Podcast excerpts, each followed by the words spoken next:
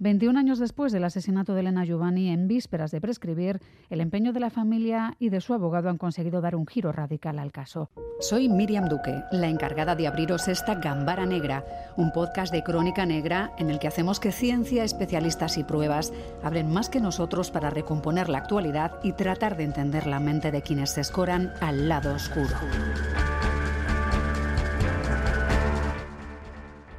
Para recordar lo ocurrido tenemos que viajar al 2001. Elena tenía 27 años, era periodista y trabajaba como bibliotecaria en Sabadell.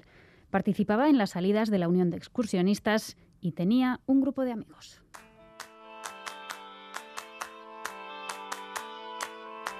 Pero su actitud cambió cuando comenzó a recibir unas cartas anónimas. Una de ellas hacía referencia a ese grupo de excursionistas y animaba a Elena a probar el zumo que le habían dejado. Lo hizo y le sentó mal. Lo mandó a analizar y comprobó que el zumo llevaba una elevada cantidad de un potente somnífero. Elena salió de casa el 30 de noviembre, pero no llegó a trabajar, tampoco a la cita que tenía con su padre al día siguiente. El 2 de diciembre, un vecino encontraba su cuerpo en el patio. Había sido arrojada desde la azotea desnuda y llevaba en la sangre una concentración de somníferos letal.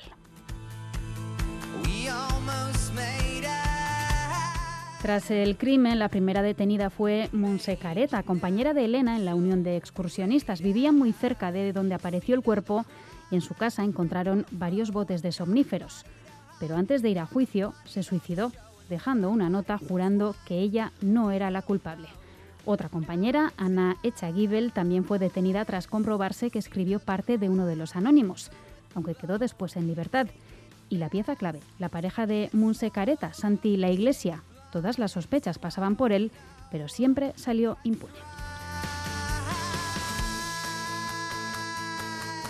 Pero el tesón y el trabajo de la familia han conseguido que el caso siga vivo. A los nombres de los sospechosos se suma Xavi Jiménez, imputado en el caso y, según las últimas investigaciones, autor de algunos anónimos que recibió Elena antes de ser asesinada. Jiménez, de momento en libertad con cargos, participó activamente en el crimen, según el juez.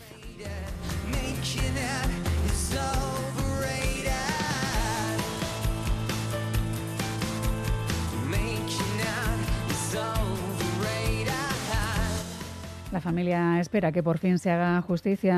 Joan Giovanni es el hermano de Elena. Joan, bienvenido. ¿Qué tal? ¿Cómo estás? Pues bien, ah, aquí estamos, ah, mm. empujando a ver si conseguimos llegar a la verdad. Supongo que sois más optimistas, eh, no sé si más optimistas que nunca, pero sí más optimistas que antes, que, esperáis que por fin este sea el camino para que se haga justicia. Sí, más que nunca ya no me atrevo a decirlo mm. porque, porque el caso ha sido y está siendo una constante montaña rusa en que nos estamos encontrando, encontrando muchos obstáculos. La Administración de Justicia, la policía, que son quienes deberían resolver el caso, pues a veces tienen más obstáculos que, facilidades y, aquí estamos con mucha gente que nos que nos da ánimo y soporte, pues pues empujando para, para llegar a saber la verdad, que es lo que definitiva queremos. Se ha conseguido lo que parecía imposible. Hubiese que declarar ante el juez eh, el imputado. Sé que respondía a preguntas de su abogado, nada más. Pero ¿qué sabéis de, la declaración del imputado y qué querríais haberle podido preguntar, Joan? Bueno, básicamente lo que queremos es que nos, que nos explique qué, hicieron con Elena. por las pruebas que ha estado encontrando la policía y, que hemos encontrado nosotros, no nos queda ninguna duda de que tanto Xavi Jiménez como Santi La Iglesia, como Montserrat Careta, que se suicidó en la cárcel, los tres han estado implicados ah, en el asesinato de Elena. Ah, no tenían coartadas, han tenido que rectificar declaraciones ante la policía o ante el juez para, para construir coartadas y, lo que queremos es que, pues que nos expliquen qué, pasó. O sea, nosotros no podremos cerrar el duelo hasta que sepamos qué, hicieron con, mi hermana. Claro. Joan, el caso se complicó con el suicidio de, de Monse Careta cuando estaba detenida por la presunta implicación en el caso. Si estaba relacionada de alguna forma con Santi y la Iglesia, pero ¿estaba relacionada también con Xavi? Sí, aquí, bueno, había hay un grupito de, personas que son la pareja que eran Santi y Monsa, ah, que eran, bueno, muy amigos con, con Xavi y con otro chico que se, llama Jauma, que, bueno, no sabemos por qué se, se deben como una fidelidad eh, mutua y, se protegen entre ellos.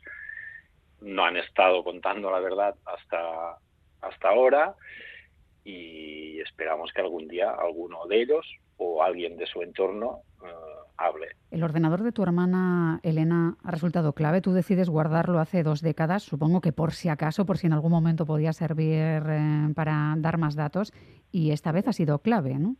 Sí, ah, bueno, dentro de esta montaña rusa de, cuando conseguimos que se reabriese, reabriese, la causa en el año 2020, después de, la emisión del programa CRIMS de TV3 y de, bueno, de una movilización popular uh, clamando justicia, apuntamos al, hasta entonces principal sospechoso, que era Santi la Iglesia, pero bueno, su abogado recurrió a la, la de la causa y, sorprendentemente la sección tercera de la audiencia de Barcelona le dio la razón y ordenó que se volviese a archivar el caso. Fue un patacazo grande para nosotros y entonces, bueno, uh, estuvimos buscando nuevos elementos, aportamos el disco duro, la policía tuvo meses, ah, se supone que analizando el disco duro, pero no, encontraban nada y nosotros al ver que el, el, delito prescribía al cabo de 20 años, pues contratamos a un, a un perito, a un informático forense, a, Bruno Pérez Junca, cogió el, un clon del disco, uh, y montó una especie de, de buscador, indexó todo lo que había en el disco duro, montó una especie de buscador podíamos encontrar cualquier cosa que estuviese en el disco duro de, de, mi hermana Elena. Pues si me permites, Joan, vamos a saludar a Bruno Pérez Junca, que está también ah, esta noche con nosotros. Bruno. Salud, Bruno. Salud, Joan. Bueno, estamos intentando explicar cómo es posible que 20 años después eh, Joan guardara ese disco duro, ese ordenador, para ver si con el tiempo se conseguía tirar del hilo y vosotros eh, conseguís eh, que se investigue porque aparecen chat, aparecen mails y localizáis un montón de pistas en torno a los movimientos que tuvo ¿no? y con quién chateó en las últimas semanas. La, la faena fue, fue recuperar toda la, toda la información, la, la, que se ve, la que no se ve y, y, y, la que no existe. Toda esta, indexarla, como muy bien ha explicado Joan, y luego a partir de aquí es, vale, tengo todas las piezas, pero fue la propia familia la que se dedicó a realizar pues estas búsquedas, estas listas, estas claves, ¿sí? Y a todas las claves que me daban les daban dando los resultados y a partir de aquí pues bueno se fueron encontrando pues una serie de elementos eh, que al final han hecho decidir al juez imputar a, una persona. Cuando dices elementos, ¿te refieres a, personas o, al menos a, a nicks de personas con las que hablaba especialmente en, en, la última etapa? No, cuando te hablo de elementos, te hablo de mm, documentos mm, en los que se hacen referencia a una serie de palabras en las que, bueno, documentos relacionados con el, con el caso y con las personas involucradas. O sea que hubo archivos y correos que fueron especialmente llamativos para vosotros y que os permitieron, digamos, eh, que avanzara el caso. Efectivamente. Los ordenadores de aquella época no tendrían eh, memoria en comparación con los actuales. No sé si eso ha facilitado las cosas o os ha costado especialmente trabajar con, con el modelo de ordenador que, que tenía Elena. Pues sí, efectivamente ha, dificultado porque, como puedes comprender, el sistema operativo en su momento era un Windows 98, sí. Los artefactos de este sistema operativo son mucho menores que, por ejemplo, hoy en día cuando cogemos un teléfono móvil que tenemos registro de las ubicaciones, tenemos registro de, todo. Es que este, si, si llevas un reloj eh, de estos smartwatch o así, eh, es que tenemos hasta las pulsaciones del corazón, no tenemos todo. Realmente los elementos son pocos, pero no importa, han sido suficientes. O sea, se ha hecho una autopsia forense de este, de este equipo.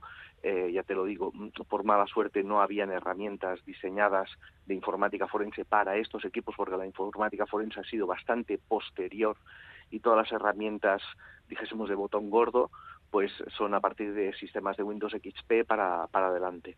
Pero bueno, tú, a veces las cosas se tienen que hacer a mano, artesanales, y, ya te digo, ha habido muchas horas, ha habido mucha dedicación, pero lo más importante es el, es el resultado. Y ya te digo, yo el mérito eh, siempre lo digo es de la familia, porque fueron ellos los que dieron las listas y los que realizaron la investigación. Lo único que yo aporté fueron yo más piezas en el puzzle. Hmm. Mm, piezas complicadas de obtener, ¿eh? porque es verdad que además hace 20 años no todo el mundo tenía un ordenador, ni una tablet, ni internet 24 horas, que muchas veces se chateaba desde locutorios o bibliotecas, eh, que no sé si eso complica el seguimiento de las IPs de, de los ordenadores o se puede saber de quién era el ordenador, a pesar de que estuviera en una wifi pública. Bueno, no, eh, aquí los elementos que nosotros tenemos son los del ordenador de Elena. Sí que es cierto, sí que es cierto que si en el momento de la investigación primaria se hubiesen leído los, los chats, los contenidos que hay, se hubiese descubierto que Elena chateaba desde dos puntos más, como muy bien me has dicho tú, desde una biblioteca y desde, desde un no locutorio público, pero sí desde un bar, ¿vale? Y sí que hubiese sido interesante coger los registros, sí, los logs de estos equipos, pero bueno, escucha, no se tienen, pero no importa. Eh, lo que hay en este ordenador ya ha mm. sido ya ha sido bastante. A todo pasado es es rápido de ver, pero también hemos de recordar que, ya como te he dicho, la informática forense empezó a partir del año 2002, fue cuando se empezaron a crear los primeros protocolos de análisis de equipos, ¿vale? O sea, y estamos hablando en 2001, es un año antes que con conocimiento y especialización sí que se hubiese encontrado cosas, sí. Pero bueno, pero ya te digo, la policía en su momento hizo lo que tenía que hacer, que es arrancar el ordenador, mirar los últimos ficheros, mirar dónde conectaba, más o menos, y a partir de aquí pues sacar sus conclusiones. No sé si uno llega a tener miedo cuando analiza un ordenador antiguo a que un virus acabe con todo, bueno, porque claro, no serían como los malware que, que oímos hoy en día, ¿no? Pero entonces sí había virus, ¿no? En el 99 vivimos el miedo al efecto 2000 que podría borrarlo todo, por ejemplo, ¿no? Sí, sí, sí, sí, sí, no, no. Piensa que de, las primeras ah, trabajos que realizamos los informáticos forenses es siempre miramos que la prueba no esté infectada, o sea, que no haya ningún tipo de programa de control remoto en su momento ya existían estos programas de control remoto, ¿vale? Para personas con un perfil acosador, sí, ya existían estos programas en los que se le ponía a la víctima pues un pequeño programa de control remoto, como ahora les llamamos, pues yo que sé, un TeamViewer, un programa de estos de colaboración en el que el Departamento de Nuevas Tecnologías te coge control a tu ordenador, sí, y a partir de aquí pues te ayuda, ¿no? Pues antes se hacía, pero pero más que ayudar, lo que se hacía era el control y el espionaje el espionaje de las personas. Siempre ha existido, siempre existirá. Piensa que es, es un caramelo, un ordenador, porque ahí está toda la información de una persona, la, la persona, la profesional, la privada, la, la secreta está todo ahí dentro. Habéis conseguido desentrañarlo todo, o al menos encontrar ese hilo del que Joan Juan y su familia han podido seguir tirando, Joan, y, permitir que, bueno, pues que se volviese a retomar el asunto de los anónimos, por ejemplo, y de esos nombres que no se había conseguido sentar ante el juez como imputados, ¿no? Y, eso se ha conseguido en los últimos días. Sí, em, em, hemos hecho un paso importante, pero bueno, todavía queda para para llegar a, hasta donde podamos llegar. el elemento importante que salió de la, de la vista que hubo el viernes, eh, recuerdo que todavía estamos en la fase de instrucción, no, no, se ha hablado todavía de, ir a juicio. un elemento que también puede ser determinante y que y que ha evolucionado mucho desde el año 2001 es, eh, es la genética, es el ADN tanto Fiscalía como nosotros como acusación particular pedimos al juez que la ropa y los zapatos de, Elena, que todavía se conservan en, los almacenes de, los juzgados, se pasen a la, a la policía para que la policía científica mire si todavía si puede encontrar vestigios de, de ADN y, no sabemos si los van a encontrar o no, pero bueno, pero por lo menos la ropa está, ah, la, la, técnica ha avanzado mucho en, estos últimos 20 años y, bueno, si tuviésemos ah, pues la suerte, por decirlo de alguna forma, de que se encuentren vestigios de ADN, pues ah, se podrá comparar con, las personas sospechosas de, de ser las autoras del, asesinato de mi hermana. Pues ah, esperemos es que una, es una puerta más que se abre. Que se abra esa puerta. Ahora, como dices, es la fase de instrucción. Aún no se habla de ir a juicio, pero eh, así como nos decía Bruno Pérez Yunca, que ha avanzado mucho el mundo de la informática forense a partir del 2002, también eh, las técnicas de ADN han avanzado muchísimo y es probable que haya información que pasados 20 años aún pueda localizarse. Os agradecemos mucho que hayáis tenido tiempo de charlar eh, con nosotros, Joan Giovanni muchísima suerte en la investigación y, que haya justicia para, para Elena. Un abrazo muy grande, gracias. Es que recasco. También un abrazo para Bruno Pérez Junca.